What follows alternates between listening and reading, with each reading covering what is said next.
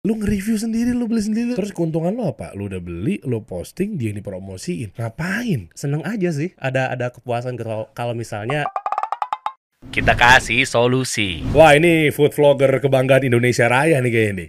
Henry Jonathan. Gile. Men, lu bisa ajarin gue gak sih gimana caranya eh, agar dapat endorse, biar dapat klien banyak. Lu kan raja endorse nasional ya, bukan ya? Aja endorse. Nggak lu banyak banget lo nge-review-nge-review dan seterusnya. Dan jujur deh, lu ada produk yang dirasa nggak enak, lu bilang enak gak sih? Ah, jangan jawab ya, jangan jawab ya, jangan jawab dulu ya. Nanti Itu di akhir dia. lu bisa bocorin ya. Karena rata-rata kayak begitu, ya kan? Oh, bilang enak semua dia enak-enakin, dibayar, ya? Hmm, hmm. ya kan? Ya. Pasti ada sesuatu yang lu simpan, lu umpetin, atau mungkin di, diedit bagian-bagian part yang mungkin muka lu nggak enak, kadang-kadang Nah, mungkin lu buang, akhirnya tayangnya jadi yang bagus-bagus. Ya, nanti kita spill lah. Ah, boleh boleh boleh. Sama strateginya tadi ya, gimana cara datengin klien. Percuma orang banyak konten kreator, food vlogger tinggi apa ya followersnya banyak, tinggi views dan seterusnya, tapi nggak bisa monetize, Hmm. nggak tahu nggak bisa ngasilin duitnya dari mana dan seterusnya. Hmm. Lihat ya, ini konten lu ini viral banget ini rela antri 2 jam. Eh bukan ya, yang cabai hijau tadi mana? Tuh, ayam penyet cabai hijau paling laris. Ini cabainya berapa karung, Bro? Itu cabenya sekali masak dia 9 kilo. Hah? 9 kilo, Mas. 100 ekor ayam dan 100 Eh sebentar, pos, pos. Tadi ada apa tuh bentuknya? Apa sih itu? Ulekan, Mas. Itu ulekan. Oh, ulekan ya? Disebutnya King of Ulekan. Oh, kenapa Kemudian tuh? Kok saya ngilu gitu? rasa. Coba coba ulang ulang. berhenti ngulek sampai keringetan. Terus ini nih kunci kenikmatannya. Ditambahin minyak goreng lagi ke dalam cobek. Buat pilihan lauknya ada ayam, tahu tempe, dan ati ampla. Harga nasi ayam cabai hijau 20 ribu. Sambal hijaunya pedas nampol, gurih, dan asin. Lu nggak mulus, juga bro. cukup enak, bumbunya meresap. Namanya ayam penyet cabai hijau AA Sipit. Outletnya sekarang selain di Plaza Indonesia, Oh. ada juga di Kiai Haji Mas Mansur. Dan di sini tuh bisa dine-in. Oh iya, Nih, Tuh tuh tuh. cabai hijau Tuh di tuh. Jakarta. Yang seharganya tuh habis 300 Eh, apa tuh tadi barusan? Ada kuncupnya. Oh, ulekan ya. Ulekan. Oh, digenggamnya gimana genggamnya? Itulah pokoknya ya. Genggamnya ya begitulah biasa. Oh gitu ya. Jangan diulas-ulas. Eh bentar deh, itu yang di GI ya? di itu di samping GI. Yang rame banget, Rame banget. yang viral. Viral. Yang kalau ngantri pakai nomor. Ngantrinya pakai nomor. Tahu kan gue? Iya, tahu. Tuh Dimas tadi ngasih tahu gue. gue jujur nggak tahu banyak daerah pusat ya. Karena kita mainnya selatan sama timur, jadi kita baru tahu. Ternyata seramai itu ya. Tadi yang rela antri 2 jam atasnya juga apa tuh? Kalau itu pancake. Oke, oh ini pancake. Iya, itu pancake di Pasar Lama Tangerang. Bela-belain antri 2 jam buat cobain pancake viral ini. Iya, Japanese pancake yang satu ini tuh belum buka aja udah antri guys. Saking ramenya, sehari bisa jualan sampai 800 piece pancake. Pilihan toppingnya juga ada banyak. Kalian bisa pilih ada topping Ini pakai coklat, kertas, bro. cheese, brulee, dan tiramisu. Bukanya sekitar Iya, jam itu 4 sore. cetakannya, Tapi Mas. saran gue sih kalian datang dari jam 3 deh. Soalnya antrinya pak Coba stop stop stop. Lah itu buat begitu doang rame. Rame, rame banget. Ini waktu Kan itu biasa aja bikinnya. kita- biasa aja. Tapi waktu itu kita datang juga, wah, pakai nomor juga itu antrinya. Oh gitu. Dia belum datang gerobaknya. Hah. Orang-orang udah pada rame ambil nomor. Oke. Bro, kita bahas deh bro dari awal deh bro. Ya. Eh, maksudnya sepak terjang lo tuh bermula dari mana sampai akhirnya lo bikin konten. Sebenarnya gini, eh gue nggak bahas brand-brandnya, Siap. iya kan? Karena dua faktor. Yang pertama mungkin banyak banget waktu dan yang kedua dia nggak bayar di sini. Nggak, nggak, nggak, nggak, nggak. Nanti kita sebut aja lah nama brandnya lah. Tapi intinya gue pengen tahu gimana cara menjadi konten kreator food vlogger. Food blogger apa food vlogger sih? Sama aja sih. Lo apa sebutnya? Food blogger kali ya. Food blogger ya? Mm-mm. Food enthusiast? Enggak juga ya? Bukan. Hmm, bisa dibilang begitu juga sih. Food reviewer? Iya. Oh, oke. Dan duitnya dari mana hidupnya? Duitnya ya kalau uh, kalau gua kan sekarang ini Oh. aktifnya di IG sama TikTok aja. Oke. Jadi full revenue-nya ya dari endorsan.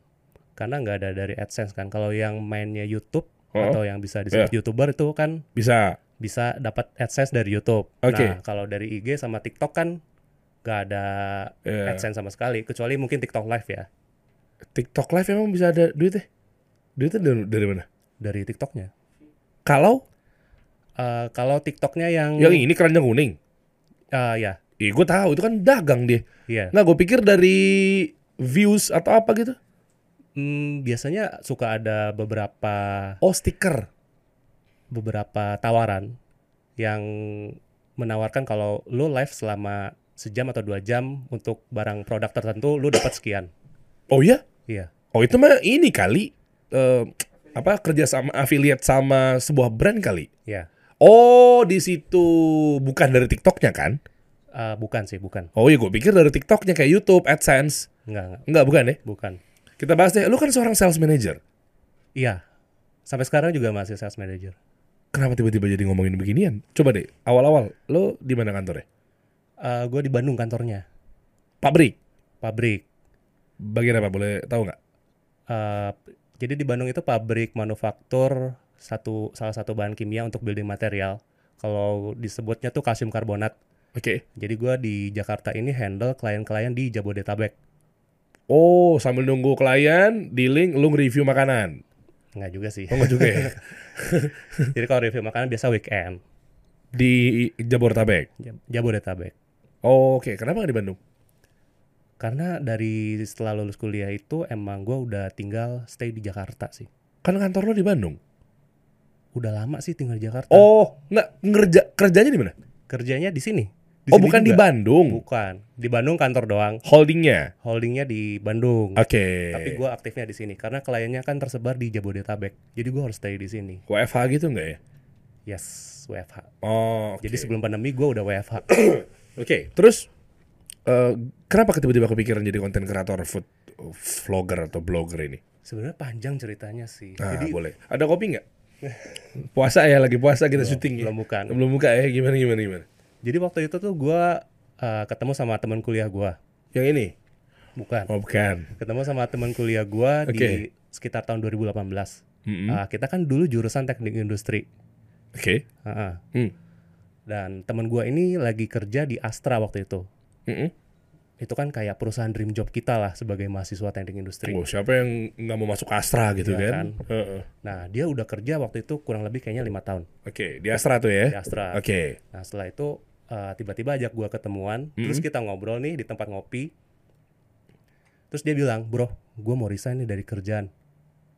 Kenapa? Karena kan ker- udah kerjanya istilah udah enak lah di Astra, Oh. udah terjamin. Oh, Terus dia bilang, "Gua mau uh, usaha sendiri, oh. membuka jasa membuat website buat perusahaan-perusahaan." Oke. Dan dia bilang kalau digital dunia digital ini ke depannya bakal sangat berkembang kata dia. Hmm. Dan waktu itu juga dia saranin ke gua. Nah, gua juga saranin ke lu kalau lu juga harus masuk ke dunia digital Hmm. Tuh. sebagai apa pun lah kata dia. Oke. Jadi kalau di sosmed itu kita nggak cuma scrolling scrolling doang buang waktu, tapi kita juga bisa dapat sesuatu lah gitu. Hmm. Oke. Nah dari situ tuh gua mikir kira-kira kalau gua masuk di sosmed di dunia digital apa ya yang bisa gua kasih gitu buat orang lain. Oke. Awalnya gua nggak langsung ke food blogger.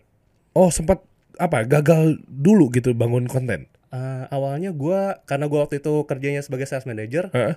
gue sempat bikin website dan bikin artikel soal gimana caranya jadi sales yang baik lah. gitu. Oh, gimana cara bangun personal brand ke Betul. sales manager dengan tips and trick, Betul. caranya menghadapi ini, cara menghadapi itu, bikin ini, bikin itu gitu ya. Betul, cara Oke. closing sama Ya. konsumen kayak gitu-gitu. ah, oke. Awalnya gue kayak gitu. Tapi Tapi setelah itu nggak jalan. nggak begitu jalan lah. Kenapa? Karena banyak saingan. Karena waktu itu gue masih bikin artikel yang berupa tulisan. Oh, sekarang video, Bro, Nah. behaviornya. Yes, itu dia. Sekarang kan video. Nah, zaman itu belum ada TikTok. Jadi kan belum kepikiran tuh buat bikin konten kayak gimana caranya jadi sales, Hmm. bikin konten video ya. Hmm. Nah, terus setelah itu, Pokoknya lo bangun personal brand lah intinya. mm-mm. Oke.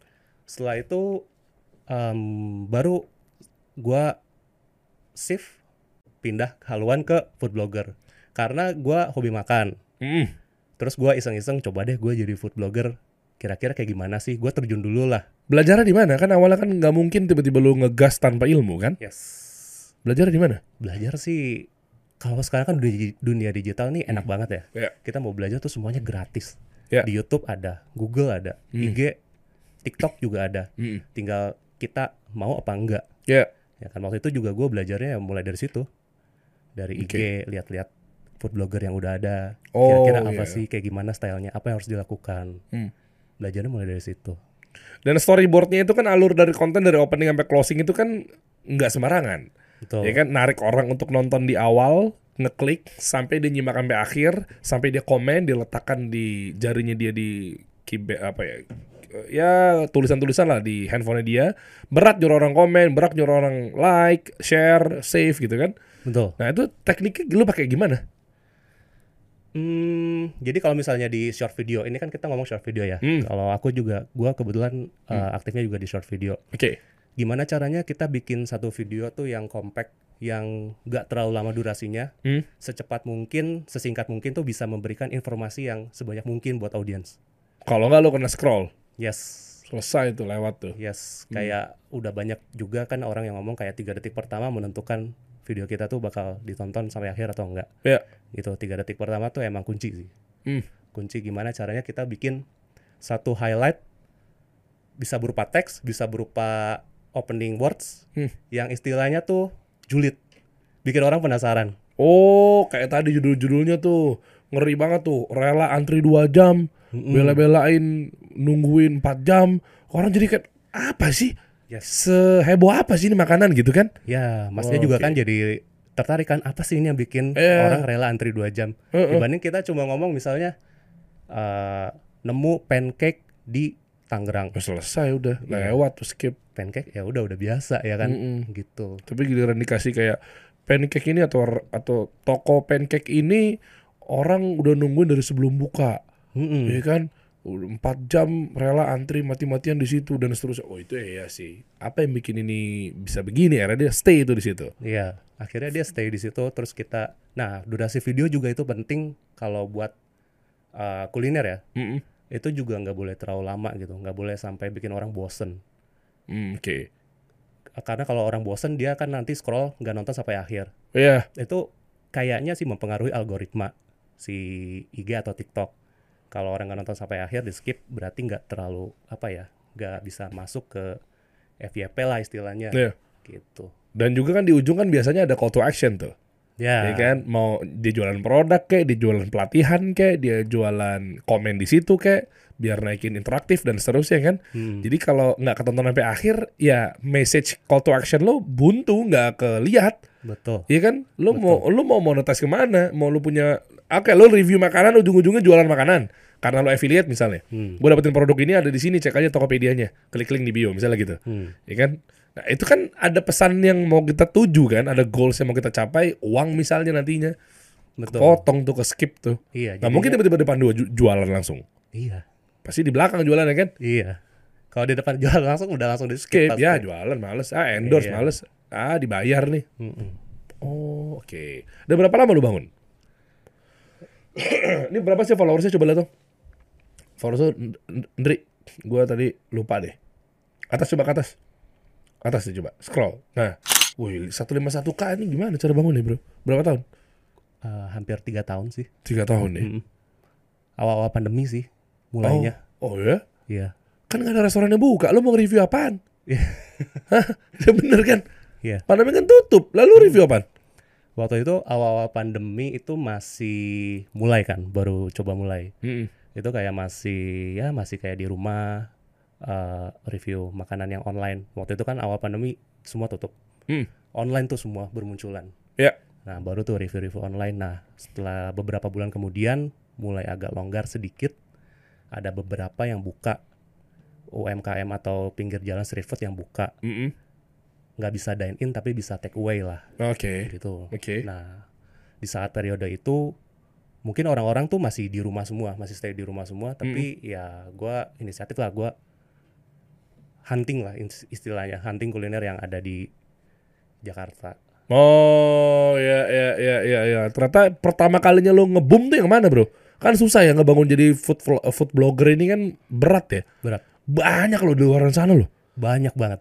Apalagi sekarang makin banyak. Iya, yang menginfluence lo siapa dulu? Yang menginfluence gua hmm, karena gua lebih di IG sama TikTok ya. Heeh. Ada beberapa lah, ada beberapa nama Heeh. yang menginfluence gua. Dulu awal-awal ya ceritanya yang mungkin sekarang jadi kompetitor lo kali. Asik. Pertama kali banget gua juga waktu mau mulai food blogger tuh gua nggak tahu sama sekali siapa food blogger tuh yang ada. lah, nggak ada. mungkin bro. Lo belajar dari mana? Ada ada satu nama tapi akhirnya gua lihat-lihat ada Oh. namanya Koko Buncit. Siapa tuh nggak tahu. Koko gue. Buncit tapi dia biasanya di Surabaya waktu itu. Oke, Heeh. gue nggak tahu tuh. Dari Terus, situ baru gua lihat. Pas gua lihat, oh ternyata stylenya kayak gini. Kayaknya gue bisa deh. Oke. Jadi gue mulai tuh. Dan sekarang lu kompetitor dia dong. Ya beda sih. Kan dia di Surabaya, gue di Jakarta. Oh beda ini ya, Beda- beda regional area. ya, market dan seterusnya ya. Mm-mm. Oh dia review-review yang makanan-makanan di sana. Betul. Hmm, oke. Itu pertama kali boom lu apa yang bikin lo gini bro? Kan konten kreator kan kadang kan kalau view-nya kecil lu posting kecil kecil kan nggak semangat. Iya, oh pasti gitu. Males pasti kan. Ah ini apa sih ini katanya bangun personal brand, udah bayar e-course mahal lagi. Ini Pasti kan, gitu. Emang lu langsung naik? Enggak. Iya kan berapa lama lu naik? Beberapa bulan lah. Nah coba siapa tahu teman-teman lagi ngerasain hal yang sama sekarang lagi bener-bener ngerintis ya. Hmm.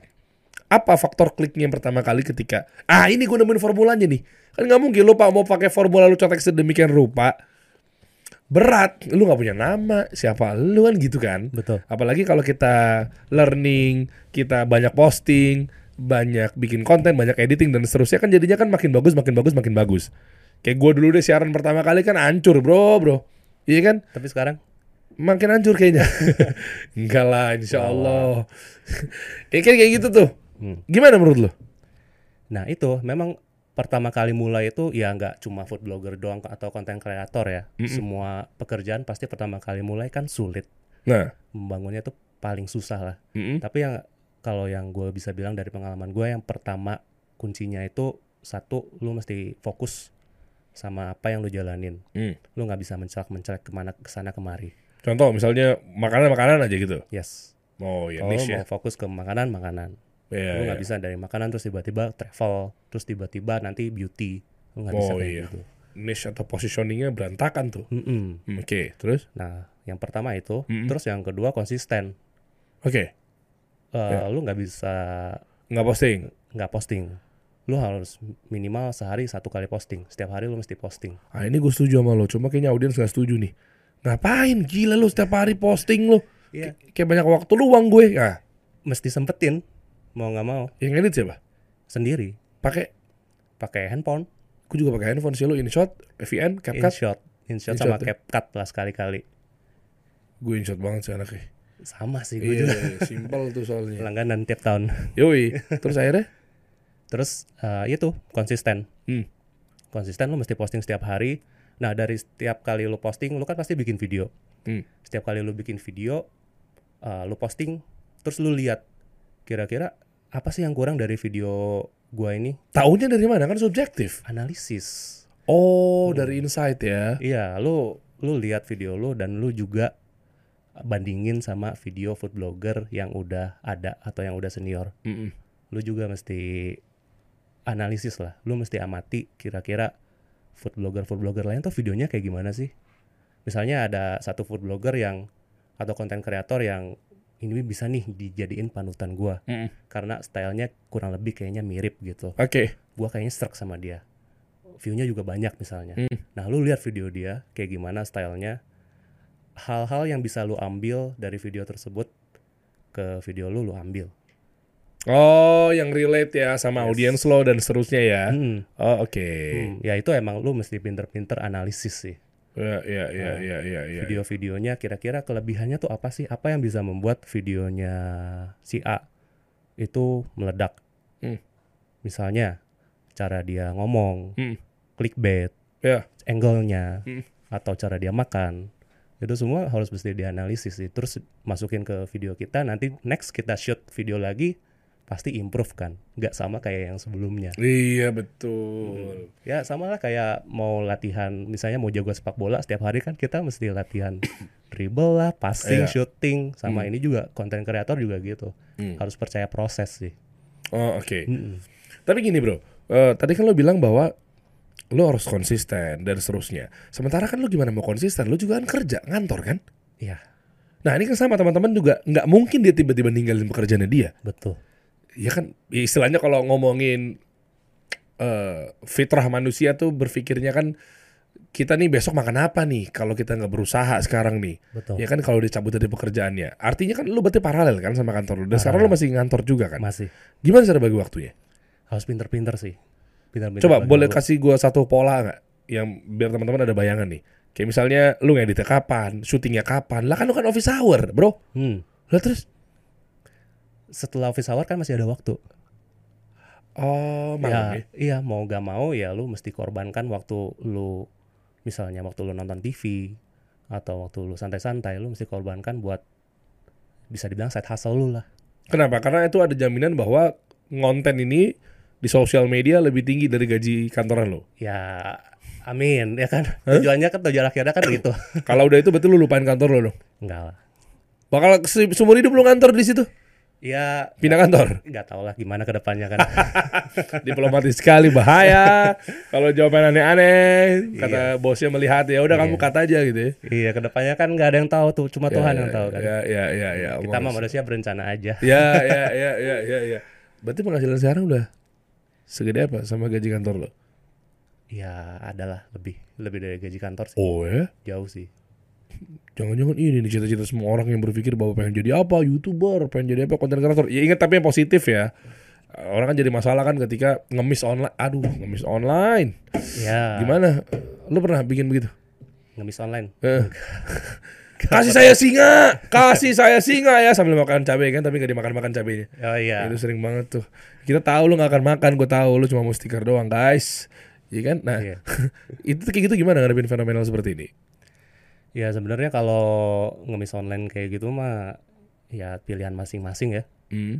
Kalau misalnya orangnya udah mau apa ya istilahnya ya berani malu gitu ya, Iya sih. ya jalanin aja sih. Yang penting kan nggak ngerugiin orang sih.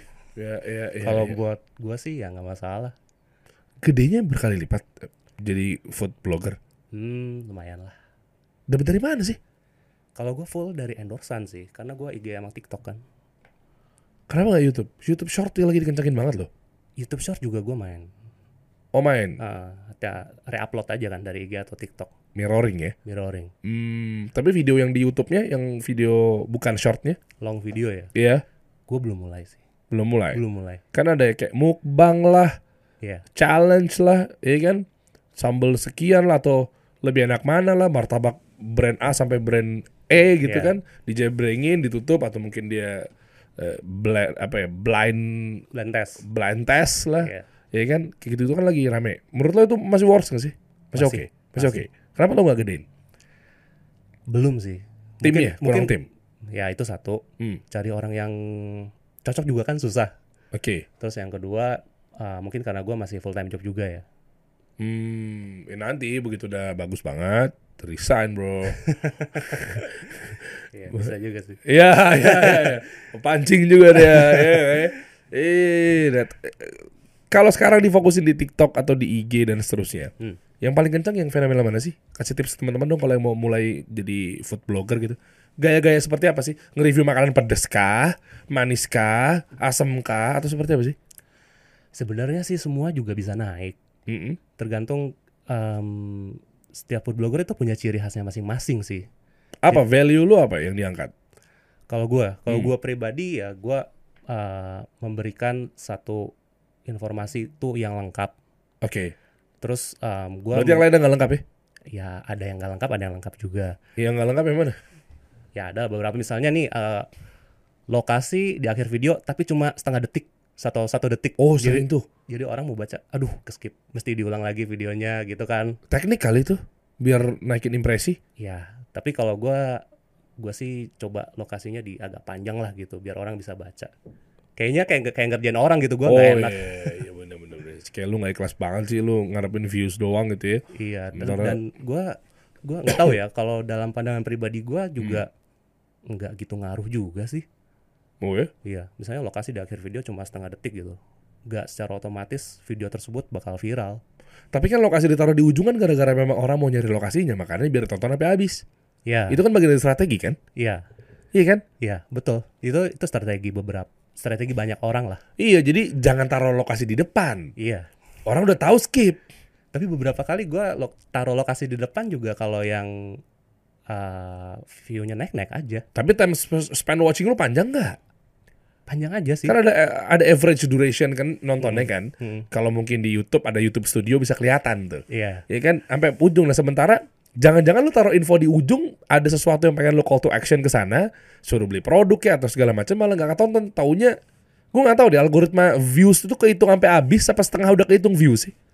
Setengah udah kehitung view sih setahu gua. Nah iya, lu taruh depan lu nggak nggak nggak nggak takut orang langsung skip bro begitu udah taruh lokasinya. Tergantung sih emang tergantung kontennya, isi kontennya sih. Beberapa juga gua taruh di akhir lokasinya Oke. taruh di akhir video tapi gua selalu kasih teks yang agak panjang sih minimal 4 detik lah biar orang tuh bisa baca gitu nggak ke skip jadi orang nggak usah ngulang videonya Oke, terus kalau untuk hook dari awal sampai akhir, tadi kita udah ngomong tiga detik pertama ya. Yes. Setelah tiga detik pertama biasanya apa sih? setelah tiga detik pertama kalau misalnya ada eh, hook-hook lain yang bisa dimasukin kita masukin lah di tengah Contoh. video Contoh.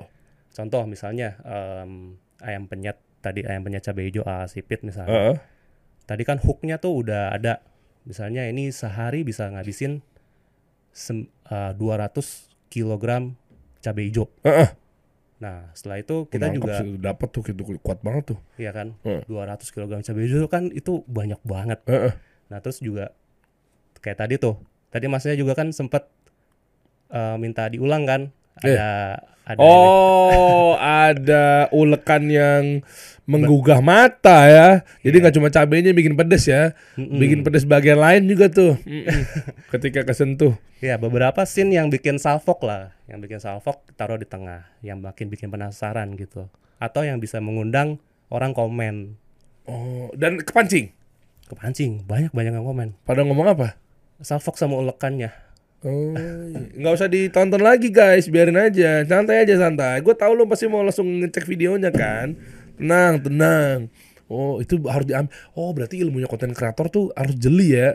Eh, Reviewer-reviewer itu ya. benar Soalnya yang membedakan lo sama yang lainnya apa? benar Semua juga reviewer kan? ya mesti kreatif sih eh, Oke, dan lo harus jeli banget mata kira-kira. Tapi kan subjektif ya. Lo tau dari mana kalau itu adalah bagian dari eh, click moment gitu loh. Kalau misalnya semakin sering kita melakukan semakin peka sense-nya tuh semakin dapet. Waktu kita shoot tuh udah tahu wah ini bagus nih. Wah ini bisa taruh di bisa buat awal video nih. Terus kira-kira wah ini ada ada scene apa yang ngaduk yang banyak atau apa? Ini ini bagus nih. Gitu. Oh, gue pikir karena lo emang punya alatnya di rumah. enggak sih. Ulekan tadi. Oh, enggak ya. Nah, coba ya yang paling rame gue pengen ngukur tadi kan lu ada eh, klik momen dan seterusnya yang sehingga orang eh apaan tuh gitu kan. Hmm. Apa coba video-video yang mana? Apa semua video ada? Ham, nggak semua sih hampir semua lah Hampir nah, semua. kalau beberapa juga ada yang mentok kayak nggak ada yang menarik ya udah Ya udah gitu ya. Nah, terus kalau lo datang itu atas dasar siapa? Ini restoran ini teruji oke nih. Kan nggak mungkin lo subjektif dong. Ini aja kali gue ke sini ya. Kalau nggak rame view-nya gimana? Ya.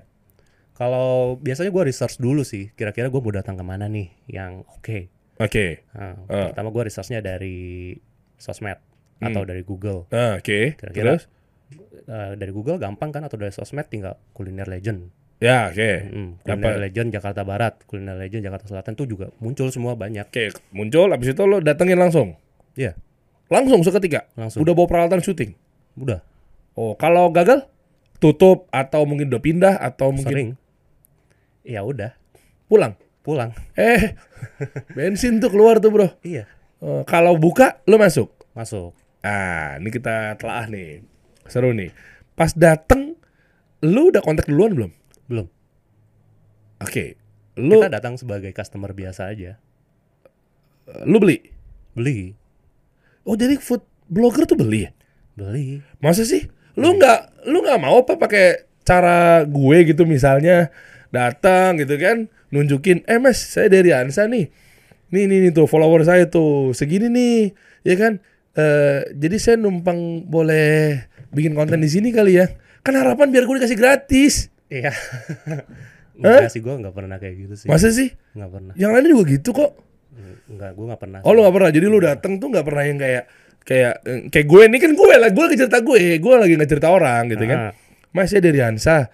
Oh iya mas, ada apa ya mas ya? Gitu kan dia nggak tahu gue kan awalnya kan. Misalnya mungkin juga nggak notice juga siapa gue gitu kan. "M, Boleh review nggak mas? Gitu, saya mau pesan aja. Pasti kan dia acuin tuh. Ya pesan pesan aja mas. Dia Hmm. bikin bikin. Pasti gitu dong. Iya. Oh ya udah, sekedar informasi biar kita kenal. Nih Instagram saya di sini. Tuh, ya kan namanya segini follower saya tuh saya saya cent- centang biru loh, Mas. Ya udah cuma biar kenalan aja. Boleh Mas ya pesan yang ini? Nah, kan dengan harapan, wow, banyak juga ya kalau di review sama dia nih nantinya nih. Ya udah deh, saya kasih gratis aja. Nah, kan alhamdulillah ternyata jebakan saya masuk. Iya, gua gua nggak pernah. Ya follower gua mas ucret mas, mana bisa kayak gitu enggak lah. Oh, jadi mesti followers yang gede ya? Ya, Oh iya sih, biasanya sih yang gede. Cuma harus siap juga sih resikonya diserang sama netizen juga gede juga tuh impact tuh ya. no comment lah. Oke. Oh jadi lu, lu, lu beli. Beli. Oh beli. Lu nge-review sendiri, lu beli sendiri, lu kasih nilai sendiri. Iya. Lah, endorse gunanya apa? Kalau endorse beda lagi. Kalau endorse itu berarti kan restoran uh, mau kita untuk datang ke sana untuk promo dia punya makanan. Hmm, Terus keuntungan lo apa? Lu udah beli, lu posting, dia ini promosiin. Ngapain? Mendingan lu datang udah datang datang jelas tukar exposure dong sama gue. Ya enggak sih. Gue gak pernah kayak gitu sih. Lah terus dia yang diuntungin ini semua. Ya anggaplah Ya. ini bukan yang di endorse ya. Ya. Terus lu dapat apa? Oh dapat personal brand. Em, seneng aja sih. Ada ada kepuasan kalau kalau misalnya Oh. habis gua review terus misalnya si eh, apa namanya usaha tersebut eh, rame misalnya. Wah masya Allah. Ya itu gua gua seneng Ya, ya. aja gitu. Kayak itu kan sesuatu yang nggak bisa dinilai sama uang. Ya, Gitu. atau enggak rumus personal branding ya. Maksudnya eh, personal branding apa sih? Kegiatan kita ngasih tahu ke dunia bahwa kita punya knowledge apa, punya skill apa, ya kan? Lo nggak akan diundang ke sebuah stadion klub Barcelona, Manchester United dan seterusnya, tapi kalau lo nggak pernah ngasih tahu bahwa lo itu suka bola, suka bola dan seterusnya gitu kan, sampai akhirnya gimana caranya lo diundang? Ketika lo suka makan, ketika lo nge-review makanan, itu kan memancing yang lainnya bahwa oh ini orang emang food enthusiast nih. Ya udah gue taruh di brand gue untuk masuk gitu kan. Ya itu poinnya dapat banget sih mas. Iya, harusnya begitu ya.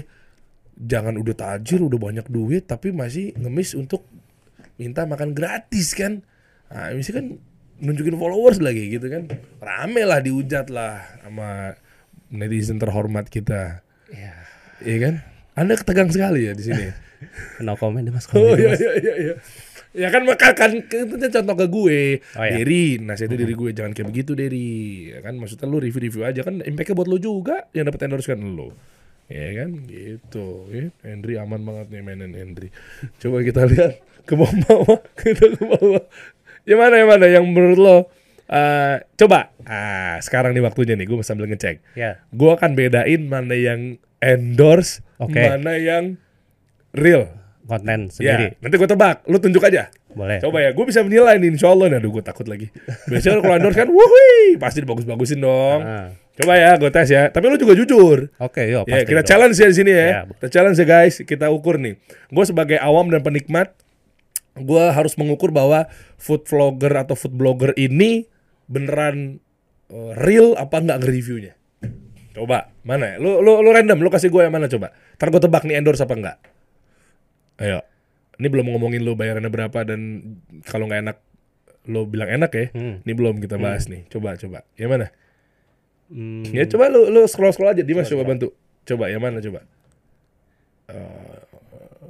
Nah kalau yang Ini coba. ya itu mas, Yang mana? yang ini. Nah ya, dry aged beef stick. Oh, dry aged beef, beef stick ini ya. Oke. Steak terenak di Jakarta Selatan. Semua dagingnya tuh dibumbuin dan dimasak freshly made by order. Dan yang pertama mau gue coba namanya MC Special. Ini tuh daging tenderloin yang disajikan dengan butter dan truffle. Dimasak di atas hot plate langsung di meja kita. Daging beefnya premium, dipakein butter dan truffle, kemudian ditaburi garam. Wangi butter dan aroma truffle-nya tuh perfect banget. Fix ini bakal jadi steak langganan gua. Disajikan lengkap dengan sayur, potato, dan ada lima macam pilihan saus. Nah yang paling spesial, mereka tuh punya dry aged T-bone steak. Ini tuh daging yang disimpan kurang lebih selama 3 minggu dengan suhu dan kelembapan tertentu sehingga menghasilkan daging yang teksturnya empuk banget asli. Pas dimakan, dagingnya tuh super tender dan juicy. Bumbu marinatednya juga gurih dan wangi. Oh iya, buat pilihan kentangnya ada potato wedges dan smashed potato. Menu western lainnya Oke, masih stop. banyak kayak cheese tuh, tuh, tuh, tuh, belum, belum. Terus, terus, terus, terus. Oh iya, dessertnya ini gue suka banget. Perpaduan coklat gelato dan Ferrero Rocher. Cita coklat pasti seneng banget sih. Nama tempatnya Mid Compiler Steakhouse, lokasinya di Cikajang. Tempatnya juga luas dan nyaman, bisa buat nongki seharian. Nah, kalian cobain ya. Oke, beneran. fix endorse. Betul. Weh, kan? Tahu gue. Gua tebak. Kenapa? Ya nggak tahu sih. Ini feeling-feelingan gue aja. Lo sampe ngasih tahu bahwa fix ini bakal jadi steak langganan gue. Man, come on. Bullshit gak sih? Ya, nggak tapi juga sih, nggak juga sih, nggak juga sih. Bisa juga memang bener jadi langganan ya. Hah? Terus lengkap banget. Lengkap. Kan Hmm. produknya begini. Berarti kan kalau lo nggak endorse, berarti lo nggak sedetail itu kan? Detail juga. Nah coba nih mas. Ketahuan dong abis ini bakal lu Oh, nunjukin iya, gue yang nggak endorse. Eh, Ya se- sebisa mungkin kita bikin detail lah. Kan uh, uh, kayak tadi yang gue bilang di awal kayak gue mau kasih info yang selengkap mungkin lah. Hmm. Jadi pas orang datang ke sana tuh udah nggak bingung, misalnya harganya berapa atau Oke, menu pilihannya apa aja. lo kan bayar. Mm-mm. Hak lo dong lo mau komentar apa kan? Tuh. Oke. Ada nggak yang memang nggak enak terus lo bilang nggak enak? Jujur, kan lo bayar ngapain lo bingung orang dia nggak bayar lo kok? Ada, biasanya kalau nggak enak ya gua nggak post. Kalau menurut gua, Kenapa? menurut gua bener-bener gak enak banget ya, gua nggak post. Kenapa? Oh karena kasihan juga dianya ya. Iya, gua gua bingung kan nanti mau komen apa, masa gua bilang nggak enak di video. Iya di samping itu juga ketika lo posting nggak enak, brandnya juga jadi kena impact ya bro. Iya, Kesian UMKM iya kita ya. kasihan kan. Oh oke. Better gua nggak posting, nggak nggak komen apa-apa jadinya kan. Tapi kalau dibayar nggak enak. Lu bilang enak dong. Nggak juga. Ah masa sih? Masa? Enggak. Nih misalnya lu tadi steak. hmm. Nama steaknya tadi apa? Eh, mid compiler. Oke, bayar lo. Hmm. Berapa? Ya, adalah. Juta-jutaan lah ya. ya. Ya, set. Lu makan, Hmm. nggak enak. Hmm. Lu akan bilang enak kan? Biasanya mereka Jujur, Henry, Iya. Henry, I'm content creator Henry. kalau biasanya kalau gini, gini. Eh, Kalau yang Anda lagi endorse, berkelit kan pasti kan? Enggak. Oh enggak, Enggak. coba gimana? Henry, terangkan padaku Henry. Gini gini. Biasanya kalau yang endorse itu dia kasih menu tuh ada beberapa macam. Misalnya ada 10 macam. Hmm. Nah, beberapa yang emang menurut gua nggak enak, gua nggak masukin ke video. Lu bilang sama dia gimana? Kok nggak ada mas videonya? Ah, gua bilang dan biasanya owner pun juga ngerti. Oh. Nggak yang maksa, nggak bisa ini harus masuk ini harus masuk enggak. Kan dia bayar. Iya, tapi kan tetap gua nggak ah, gua tetap masukin kan menu-menu lainnya yang enak. Oke. Jadi- Kalau itu menu andalannya dia, amsong lu. Nggak mungkin nggak masukin. Gua nggak belum se- sejauh ini ya, kalau so far gua belum pernah dapat menu andalan tapi nggak enak. Oh, ntar gue doain deh. Enggak, enggak, enggak. Ya nanti gue bingung di gimana nih. Ya kan kalau menu signature-nya dia, mau nggak mau harus naik. Atau menu baru yang lagi di bus. Iya. Nah, panik lu. Iya kan? Gue belum pernah bahasin lebih detail sih sama sebelum-sebelum yang pernah gue undang. Hmm. Makanya ini pas banget momennya gue pengen tahu karena keresahan konten kreator gitu kadang. Ya. Aduh apa gue harus bohong ya? Iya. Apa gue eh, duit tapi depan mata ya? Iya. Bohong aja kali ya? Nggak duit? bisa sih. Oh nggak bisa ya Masya Allah. Iya, soalnya enggak gimana ya.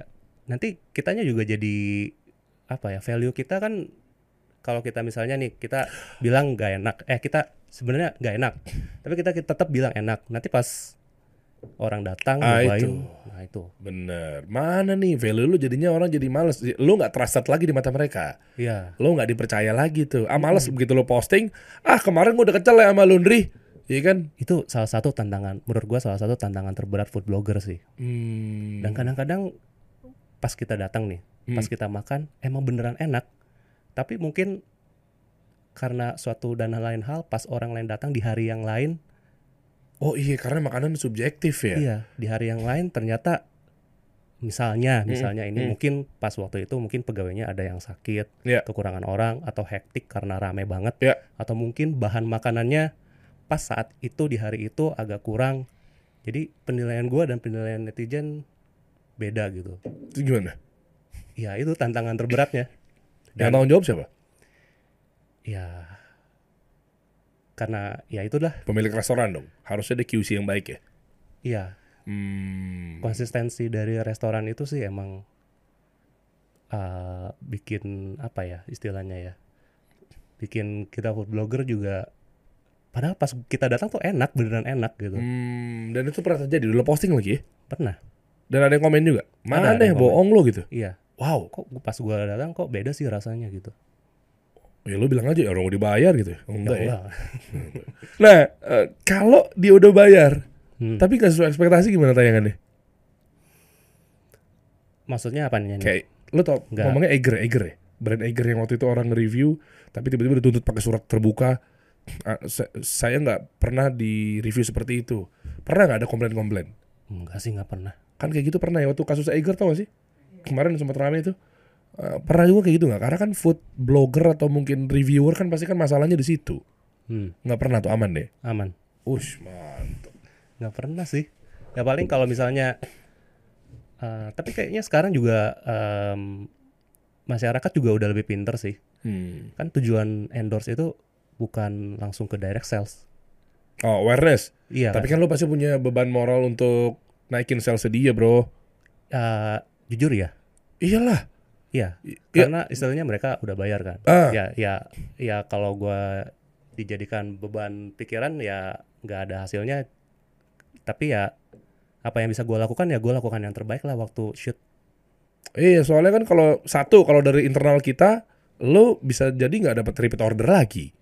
Yang kedua, dianya kecewa. Ya, Mm. gitu kan. Jadi lu mau lo dia kecewa tiba-tiba kayak gitu kan males kan pasti kan. Nah, lu kan pasti punya beban di situ kan. Jadi mau nggak mau lu harus kasih yang terbaik juga sih ya kadang-kadang ya. Iya. Ya itu mau nggak mau ya kita juga kan nggak bisa nggak bisa prediksi kira-kira view di IG di TikTok seberapa besar ya kan. Hmm. Yang bisa kita lakukan ya yang lakukan yang terbaik lah waktu kita shoot. Hmm. Red card gimana sih cara bikinnya? Kalau food blogger nih? Red card masing-masing punya ini sendiri sih, Mas. Eh, Oke tahu gue. Hmm. Tapi kan 100k sama 100k juga sama apakah sama gitu? Beda, Beda. beda. Mungkin dia punya karakter yang kuat, mungkin engagementnya lebih tinggi dan seterusnya kan followers nggak jadi acuan kan? Betul. Bisa jadi lebih dikit tapi engage banget nih sama followers atau audiens ya kan? Mm-mm. Nah itu gimana cara ngaturnya? Nggak ada rumusan pasti sih, Mas. Tapi kalau misalnya ditanya tips untuk uh, menentukan red card ya, Iya. untuk yang pemula lah, ini Ah, ah. misalnya konten kreator yang pertama kali baru mulai lah, terus Ah, baru ada pertama kali dapat pertanyaan soal red card. Iya, eh, info PP dong gitu. Kalau PP pet promote, Mas. Coba versi food blogger apa sih isinya tuh? Pet Jadi- promote berarti cuma diposting doang. Ya, Oke. pet promote berarti Terus? cuma diposting doang materinya dari klien. Satu lagi Kalau satu lagi endorse. mirip-mirip ya kita juga begitu ya. Oke, endorse berarti beda tuh sama pet promote lu ya. Beda. Info red card dong. Nah, Mm-mm. lokasi abis dikasih ngilang tuh brand. Heeh. Ya kan klien hilang tuh nggak jadi tuh ketakutan. Iya. Gimana tuh caranya ngakalinnya biar nggak kabur? Terus kasih red card hilang. Biasanya begitu. Ya nggak? Setuju nggak? Setuju dong. Ya nggak yang, yang lagi merintis nih. Gimana? Banyak sih yang kayak gitu. Terus bapaknya aja udah nggak lu kejar. Enggak sih. Gua nggak pernah ngejar sih. Eh keren. Enggak maksudnya Sombong em, sekalian enggak, ya. enggak, enggak. Enggak, maksudnya kan kalau misalnya kita udah kasih red card nih ke brand misalnya. Red card saya segini. Terus misalnya oke nanti kita kabarin. Terus misalnya udah nggak ada kabar lagi. Kadang-kadang kan eh, mungkin memang mereka punya budgetnya terbatas Hmm. atau mungkin campaign-nya si brand tersebut Nggak sesuai. diundur.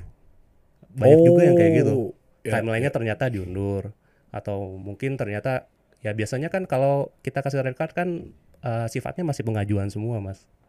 Oh iya bener sih. Mm-mm. Belum Jadi belum tentu memang kampanye juga sih anak-anak kreatifnya juga di approve juga sama kreatif directornya ya. iya, Oh, kadang-kadang oh. malah eh, pernah gue dapet tahun depannya malah.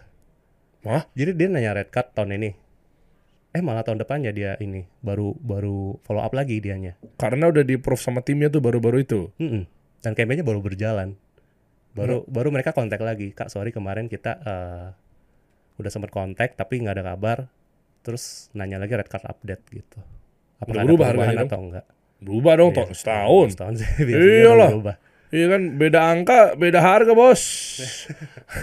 Iya biasanya udah berubah. iya makanya lu kalau mau ngontek Henry dari sekarang.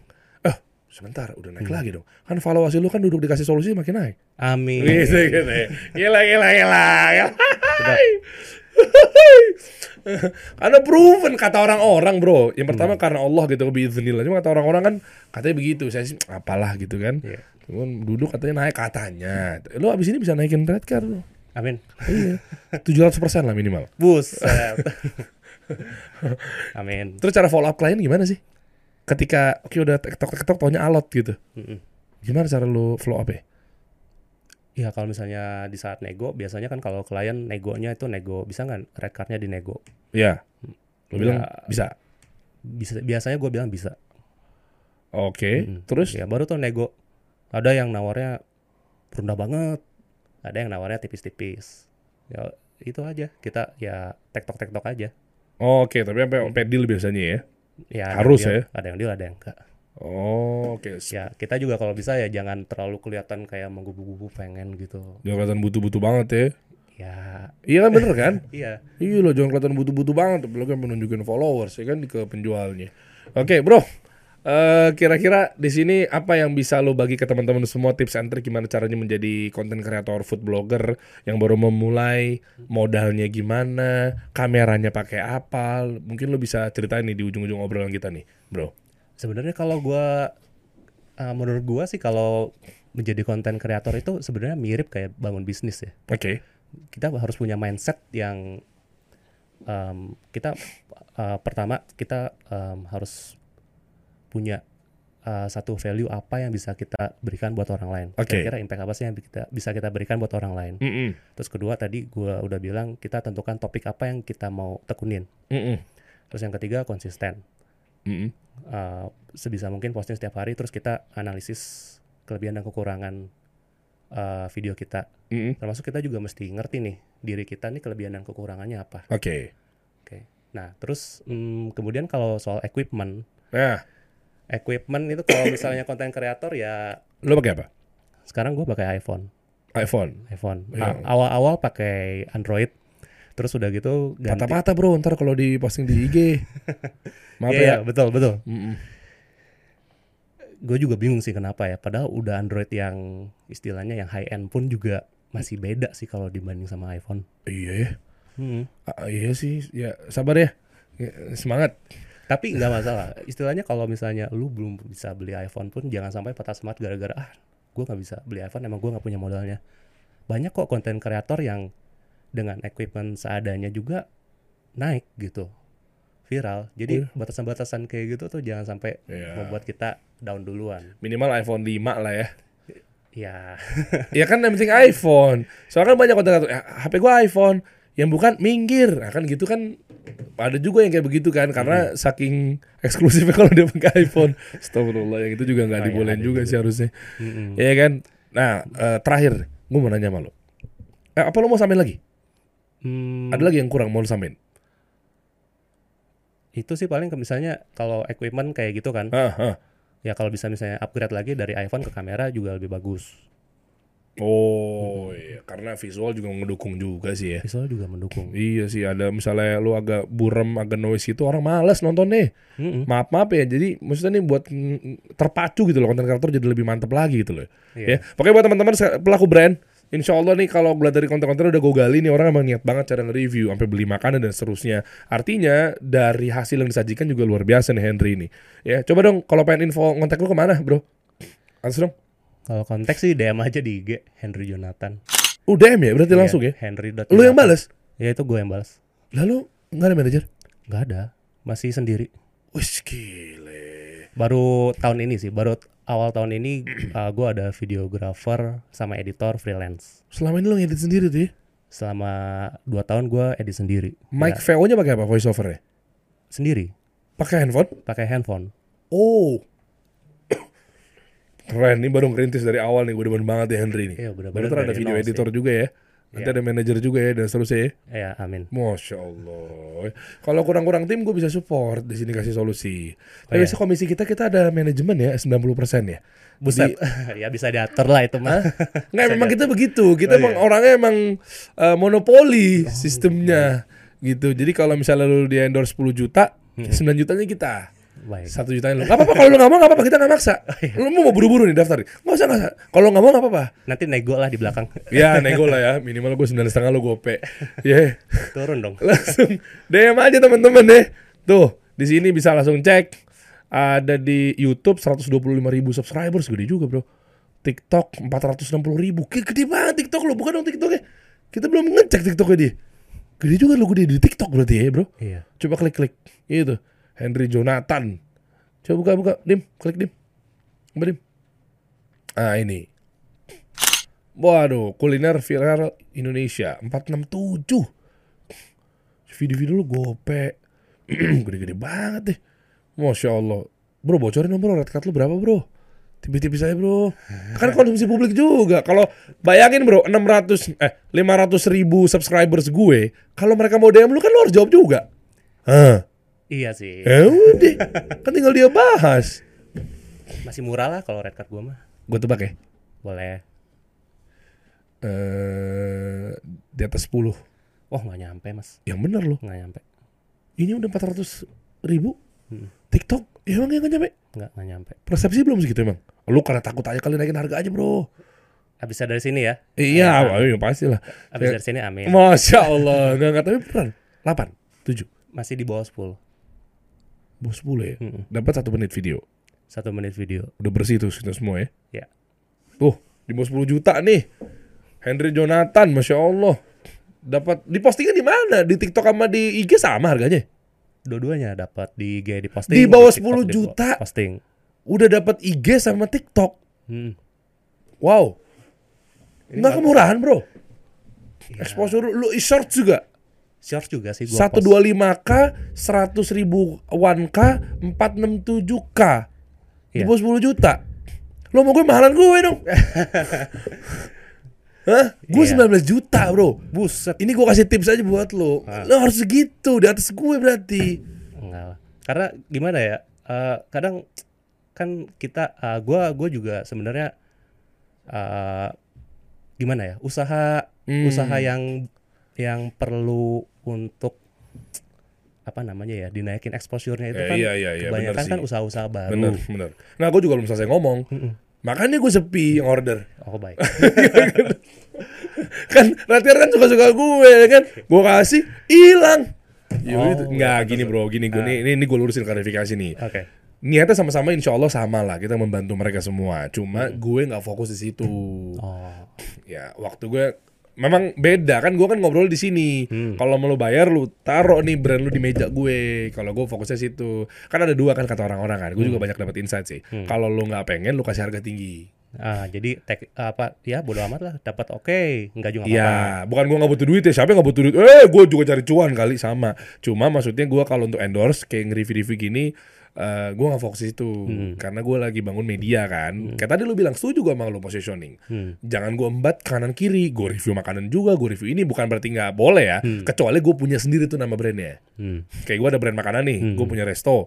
Ya mendingan gua reviewnya di situ karena tawar itu punya gue. Hmm. Tapi bukan jadi food vlogger, food blogger kan jadi ngancurin personal brand gue kan. Iya, Itu. benar. Maka tadi gue kasih. Makanya tadi jawabannya keren sih angkanya 19 juta red kartu. Iya, Der. Tapi yang order kan juga kabur. Iya, iya. Gue gak tahu kalau mungkin di bawah lo mungkin bisa insya Allah. Tapi ya jadinya kerjaan gue ke situ. iya Itu. Ya monggo kalau mau berani ya silakan. Gue review. Kalau emang enggak ya nggak apa-apa, nggak maksa gitu. Tapi kalau bisa tolonglah, kan anak saya juga tiga. follower Iya iya iya iya iya. Silakan kontak aja teman-teman ya. Di Henry Jonathan langsung DM aja dia sendiri yang balas loh. Masya Allah yang baik banget nih orang nih. Sip terakhir bro. hmm. Kompetitor yang paling berbahaya di dunia food blogger siapa bro? Sebutin satu orang. Yang pengen banget lo an- hancurin karirnya. Enggak enggak bercanda. Maksud gue tawa semua nih. Enggak enggak maksudnya lo ngerasa saingan kan boleh bro positif bro. Cuma cara yang benar. Hmm. Jangan lo hancurin karirnya. Gimana gimana? Siapa? Ya, nih, main aman lagi nih. Pokoknya enggak pokoknya gue harus ngalahin dia. Kan boleh. Kompetitif secara positif. Caranya yang benar. Bersaing halal. Hmm. Siapa bro? nggak ada sih Masa? nggak ada Masa? Lu nggak lu, lu nggak sekompetitif itu?